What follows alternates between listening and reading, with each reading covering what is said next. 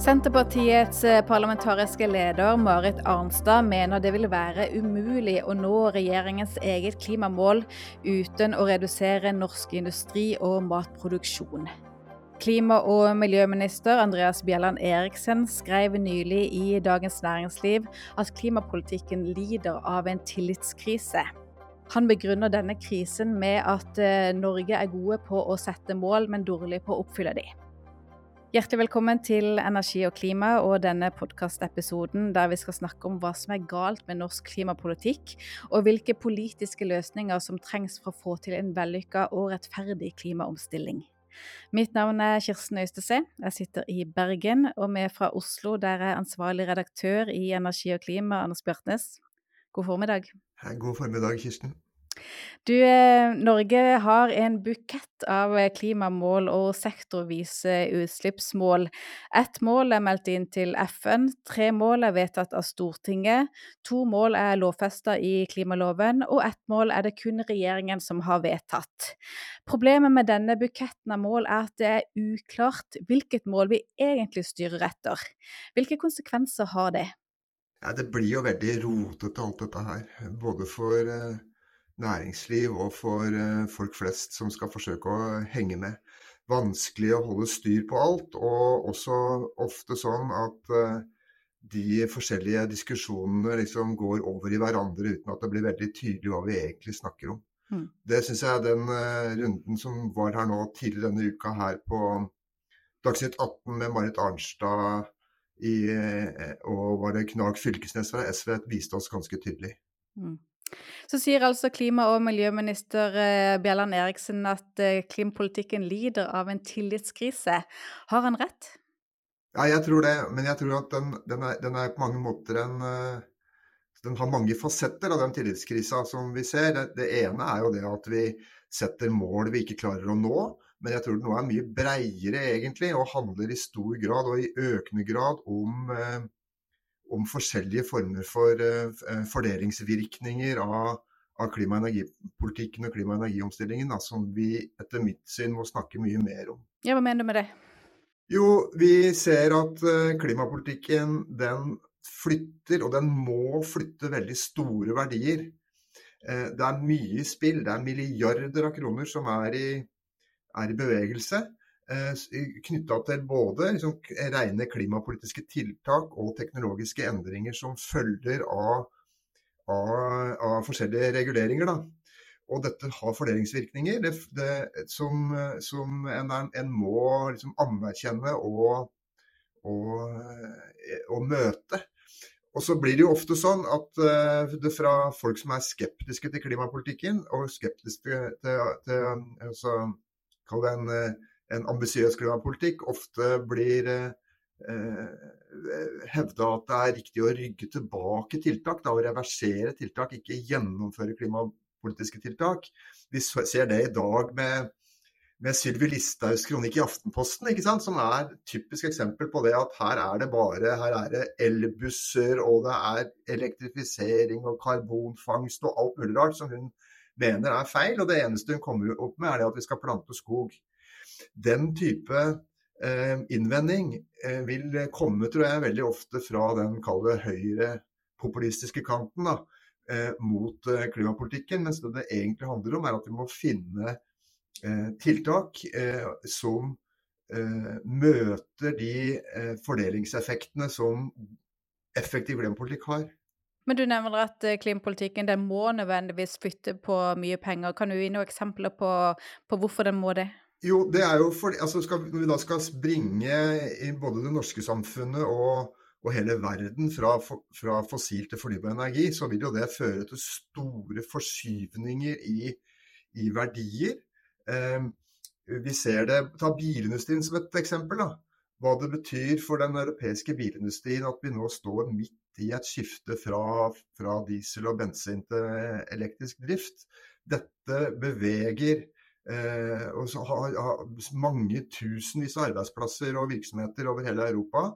Og, og må, det, det, må vi være oppmerksom på at har noen, noen, effekter. Og vi ser det innenfor eh, og Dette er liksom næringsliv, da, men hvis du ser det på privat lommebok og husholdningene, så handler det jo i Norge veldig mye om strømpriser og om, om effektene klimapolitikken har på, på kraftmarkedet.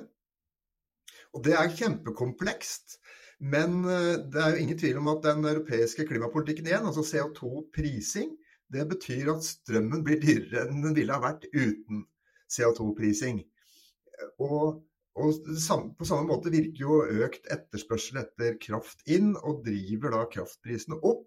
Noe som, som, betyr at strøm, strømmen blir dyrere for deg og meg enn den ville ha vært uten disse endringene. Så ja, det, er et, eh, det er mange sånne eksempler. Eh, det er jo fristende å gripe tak i den når vi sitter her og kommenterer fritt. ikke sant? Den siste sånn Fredrik Solvang-øvelsen forleden uke med Jørgen Randers som et slags uh, offer, fra folkedypet for denne her nye datasenterinvesteringen i Grenland. Google sitt datasenter. G Googles datasenter. Og det er, helt, det er, jo riktig som Randers sier, at uh, den som får regninga for dette, det er han. Det er forbrukerne, som da må betale litt mer for strømmen enn de hadde vært nødt til å gjøre uten at dette datasenteret kommer. Eh, kommer. Mm. Men hva er da alternativene man har politisk til å gjøre noe med dette? Ja, her tror jeg at det gjelder å finne Legge hodene i bløt og, og, og sette i gang mye godt tankearbeid. da i, eh, nå i partienes eh, programprosesser og, og, ellers. Og vi som skriver og synser om dette her, må hjelpe så godt vi kan for å se er det noen tiltak vi kan sette i verk som eh, fordeler eh, goder og byrder her på en bedre måte enn det vi ser nå. Eh, og vi kan jo gå ned i Det blir jo fort veldig sånn teknisk og detaljert, da.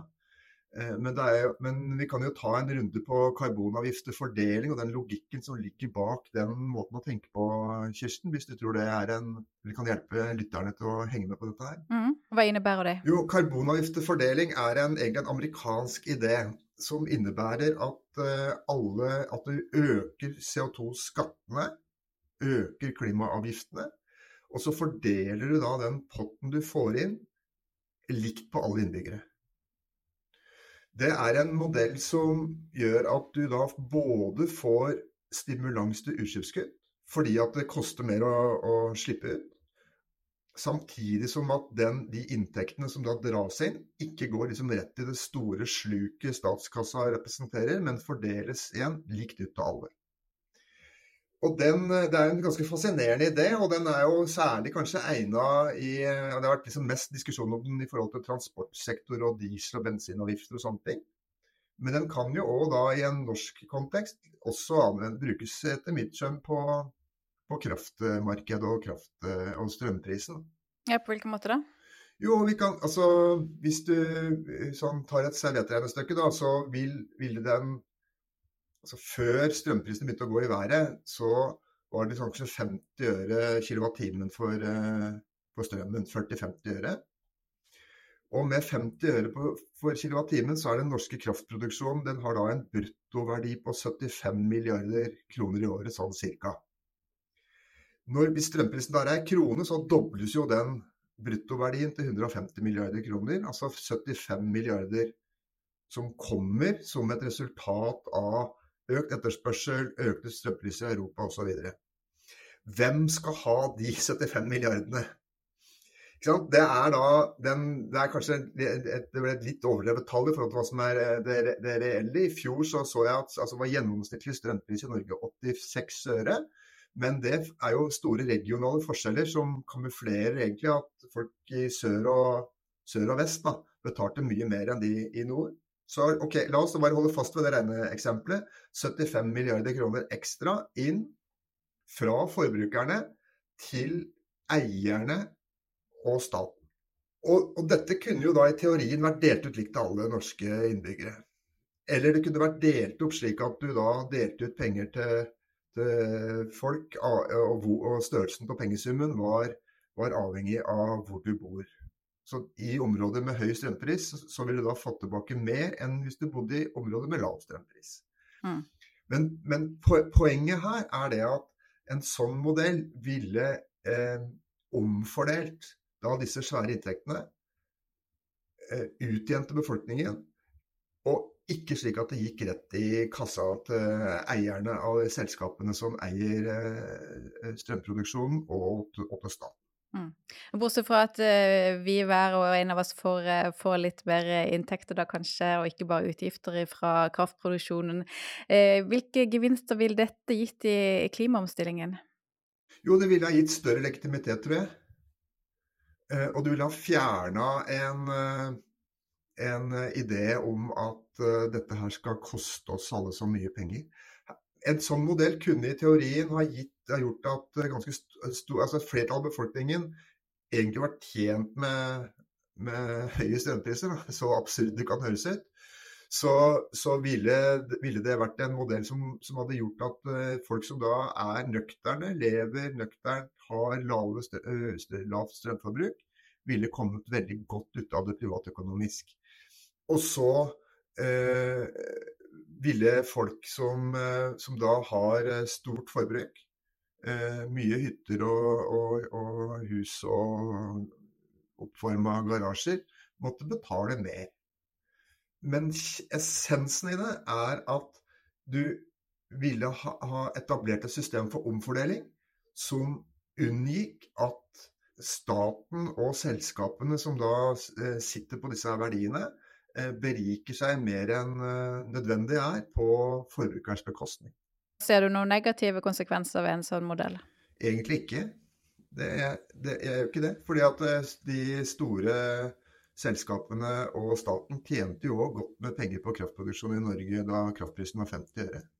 Men dette er en modell som du sier som, eh, som er tilsvarende karbonavgift til fordeling. Som, det er jo noen partier i Norge som har også løfta det her, bl.a. Eh, MDG i hvert fall. Hvorfor har det ikke blitt en større politisk diskusjon rundt denne type løsninger? Nei, Det er et godt spørsmål. for Det har jo vært framme ved forskjellige anledninger tidligere. Det, var, eh, og jeg tror både SV og Rødt og MDG og Venstre i alle fall har vært inne på dette her i litt forskjellige eh, sammenhenger gjennom åra.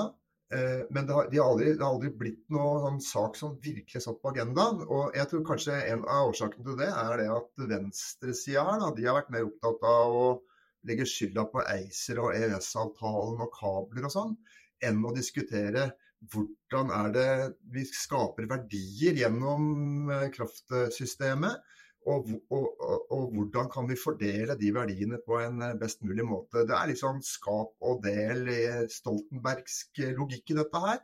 At det er positivt at vi utnytter de ressursene best mulig. At det skapes store verdier gjennom det kraftsystemet. At vi nyttiggjør oss også handel med omverdenen osv. Men, men den eh, fordeling, altså den, eh, de verdiene som skapes, profitten som oppstår, den må fordeles godt. Mm. Marit Arnstad fra Senterpartiet hun er jo skeptisk til eh, regjeringas eget klimamål. Eh, og også Ola Borten Moe fra samme parti har kalt jo nylig det grønne skiftet for galskap på NRK. Hvilke problemer er det når vi ser at det, det grønne skiftet fører med seg, som begynner å merke? Nei, altså Hvis vi tar det med, de, med klimamålene først, da, og det, særlig det omstillingsmålet som uh, ligger i Hurdalsplattformen, så virker det jo som at Eh, ikke bare Arnstad, men egentlig hele regjeringsapparatet gradvis har snakka seg bort fra det. Eh, I, i, i, gjennom egentlig de siste par åra. Eh, mm, altså ta 55% av kuttene hjemme innen 2030? Av kuttene hjemme.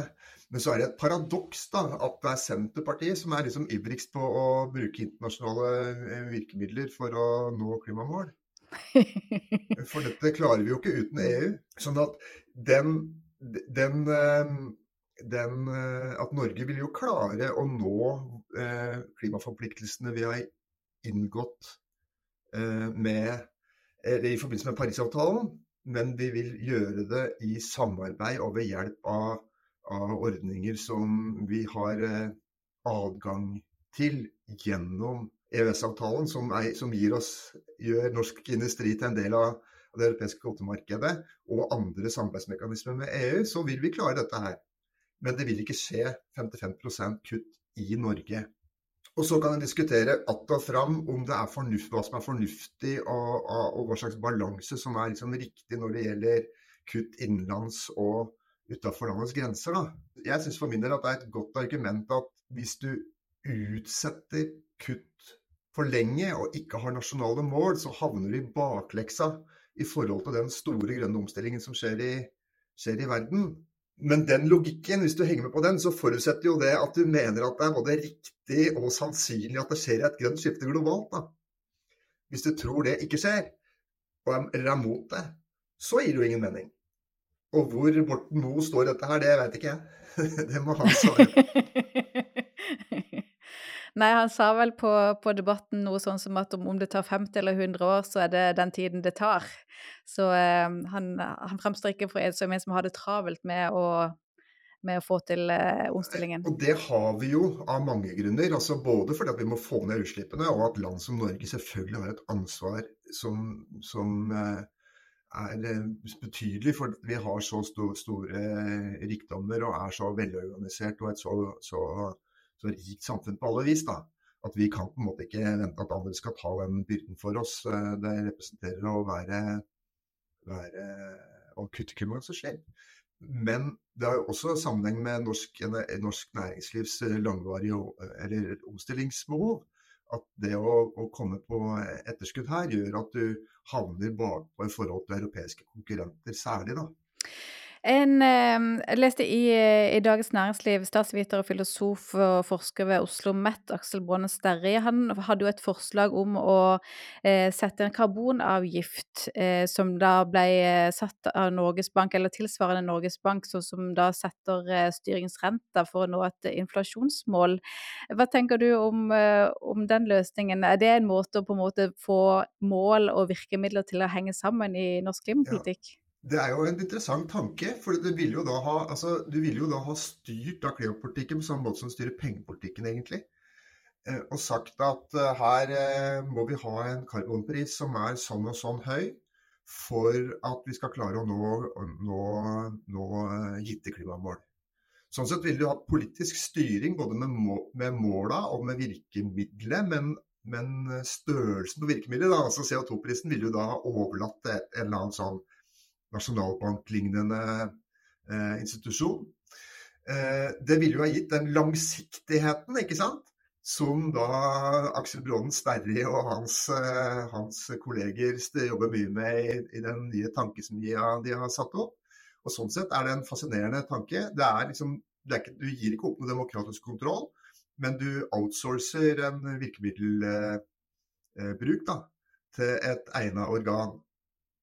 Men fordelingseffekten av dette her, den vil jo være akkurat den samme som, vi, som den vi står i nå, kanskje i enda større grad. Da. Fordi at en, en, eh, en CO2-pris som er så høy at den gjør at vi, land, vi kommer i land med klima, klima, klimamåla, den, den, ville ha gitt eh, vært, sannsynligvis da, vært så høy og gitt så store Eh, effekter at det ville vært, at det ville vært nødvendig å møte den med annen type politikk. Da. Eh, og Sånn sett så er det ikke sikkert at vi, hadde, hadde, at vi ville vinne så mye med det. Og, eh, en, og, det løser jo heller ikke sånn som på behovet for å ha eh, nok fornybar energi til å, å sikre sikre at elektrifiseringen skjer i det tempoet som er nødvendig, det er det jo andre virkemidler som uh, måtte fikse. Så det er ikke noe det er ikke noe quick fix det heller, å gjøre det på den måten som han eh, foreslår. Men det er en interessant tanke, fordi at det gir da noen Det vil gitt en, eh, en langsiktighet og en retning da, som vi mangler. Mm. Og hvis du får da inn en avgift, en karbonavgift, som du da igjen kan fordele ut på folket, så er det jo en mulighet da kanskje til at man også ser at det å ta klimariktige valg også er en gevinst for, for vanlige folk. Ja, og det vil jo da et, et sånt uh, KAF-system som, som, er enklest å forklare på i transportsektoren og på diesel- og bensinavgifter, uh, det vil jo virke på den måten. Altså hvis du øker eh, bensinavgifta med ti kroner, da, og fordeler det likt ut på alle, så vil jo de som går, de vil jo være vinnerne. det nest beste er å ta trikken, og det tredje er å, å kjøre elbil, ikke sant. Sånn at det vil jo hatt en ytterligere stimulans til å gå over til da ikke-utslippsdrivende transportmidler. Mm. Og så vil det da igjen oppstå noen utfordringer med, med grisgrendte strøk og folk som er avhengig av bil og slike ting, som det da òg er mulig å møte på, på ulike måter. Da. Og det har tror jeg noen av disse partiene som har stelt med dette, har vært inne på noen ideer som, som viser hvordan man kan uh, ordne ved å f.eks. gi mer penger tilbake hvis du bor i de deler av landet uh, der det er grisgrendt, enn om du bor i en stor by. Mm. Men du, du, nå sier du at du opplever at både Marit Arnstad og til dels også Bjellan Eriksen snakker seg litt mer vekk fra omstillingsmålet og tar kuttene hjemme innen 2030. Men vil vi jo uansett ha 2050. Altså det, er jo, det er jo netto null som er det langsiktige målet, som tross alt ikke er så langt unna. Og hva ser du er liksom behov for av politiske løsninger eller politiske diskusjoner for å få til den omstillinga, og ikke få sånn type Sylvi Listhaug-innlegg som handler bare om at eh, nå må vi reversere, for dette blir eh, vondt og vanskelig? Nei, Der er vi igjen tilbake da med behovet for at kløpolitikken har altså langsiktig og sterk støtte og legitimitet bredt i befolkningen. Hvis, uten det så kommer dette her til å gå seg fast. Eh, og da er da igjen det som er da mitt hovedpoeng her i dag, er nettopp at vi må være mer oppmerksomme på fordelingseffektene politikken har, og, møte, og, og, det, og komme det i møte. Eh, det tror jeg er et nødvendig fundament da, for å gjennomføre den eh, store liksom, tiltakspakka som trengs i, i, i lys av klimautvalget 2050 f.eks det er eh, en voldsomt stor og omfattende operasjon. og det, den, Vi har jo anbefalt den eh, klimautvalget 2050 som folkelesning tidligere, og kan gjerne gjenta det. Det, det gir jo mange eh, gode illustrasjoner på hva som er nødvendig ulike deler, i ulike deler av samfunnet for å få dette til. Og jeg mener veldig, veldig sterkt, og sterkere og sterkere, tror jeg, at uh, uten at vi klarer å utnytte ressursene mye smartere og bedre da, tvers igjennom, altså være, bruke dette her såkalte UFF-rammeverket, tenke unngå, flytte, forbedre, se hvordan vi kan ta ned ressursforbruk i alle, alle samfunnssektorer, uten at vi gjør det, så ser jeg mørkt på mulighetene til å, å nå de, her klimamålene både på kort og, og lengre sikt. Da. Eh, det tror jeg er helt avgjørende for å, for å, få det til. Fordi at det å bytte ut da en gammel teknologi med ny, den, det hjelper oss et stykke på vei. Men det samla ressursbehovet i økonomien og i samfunnet eh, er så stort at hvis vi ikke gjør noe med, med, med forbruket, så er det vanskelig å, å, se for seg at dette her kan, kan gå. Og da er jeg da, når jeg da bruker ordet forbruk, så tenker du umiddelbart eh, kanskje på, på, hva vi går og kjøper hos eh, Hensbergs og Dressmann og Elkjøp og sånn. Mens jeg tenker mer på, på, på hvordan vi som samfunn forbruker, da. Hva er det vi bygger av veier og infrastruktur, og hvordan er det vi bruk, gjør, hva slags store beslutninger er det vi tar i samfunnet som driver liksom eh, konsumet av av metaller og betong og stål og alt dette her. Mm. Er det gode diskusjoner nå, opplever du, i partiene om å få til dette og tenke eh, både rettferdig omstilling og omstilling som ikke rammer så hardt vanlige folk?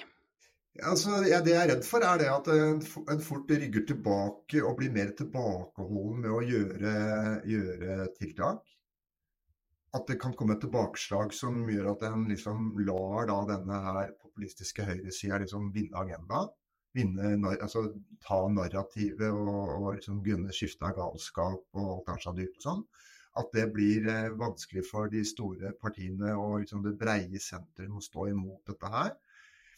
Eh, det er liksom faren, sånn som jeg ser det. Mens da opp, muligheten ligger jo i at de eh, er mer kreative og mer eh, modige når det gjelder å finne fram til grep, da, som jo for så vidt er ganske store reformer. Altså det å gjennomføre en sånn reform som jeg snakker om når det gjelder kraft, kraftsektor, og gjør oss egentlig alle til aksjonærer i vannkraftens grunnrente. Det er ganske radikal politikk. Eh, men jeg tror det er nødvendig å tenke i sånne retninger for å sikre den folkelige støtten over, eh, over Langen.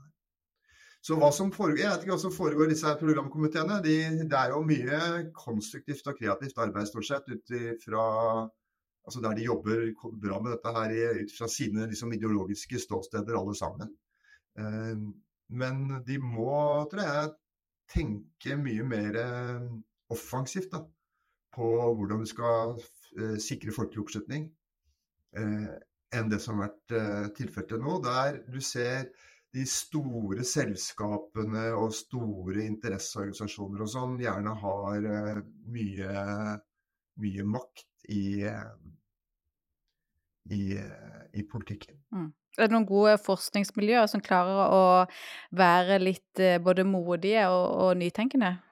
Ja, det er jo har vært ganske lite forskning, tror jeg, egentlig på, på mange av disse tinga her. Det, er, det, kommer opp det er eh, ting som er på gang eh, nå, både rundt energi, fattigdom, rundt fordeling eh, og, og, hvordan du skal sikre at folk ikke faller av nederst. I, i de to, altså Det er jo kanskje særlig de to nederste inntektsdesilene, som det heter, som er utsatte i Norge nå, sånn som, det, som bildet er. Og så har du òg mer forskning på gang nå, så jeg forleden her, og det var i, i Trondheim, mer på ressurseffektivitet og, og, det som da på nynorsk kalles degrowth. Da. Ikke sant? Altså hvordan kan du skape et samfunn som er eh, langsiktig bærekraftig med mindre ressursuttak. Jeg tror må, Dette må vi snakke mer om og forske mer om, mer på og diskutere bredere. Mm. Men oppsummering, det å tenke nytt og tenke modig, og ikke rygge klimapolitikken, men snarere se hvordan kommer man seg fremover på en god måte? Ikke rygge, men, men uh, identifisere de, uh, de uh, områdene som ska, der det skapes store forflytninger av, av verdier. Og, og, gjør noe med det, slik at folk flest, og særlig de som sitter nederst ved bordet, ikke kommer dårlig ut. Fint. Anders Bjartnes, takk for praten. Takk for praten. Det var alt i eh, denne podkastepisoden. Hvis du ikke allerede abonnerer på Energi og klima der du hører på podkaster, så gjør gjerne det.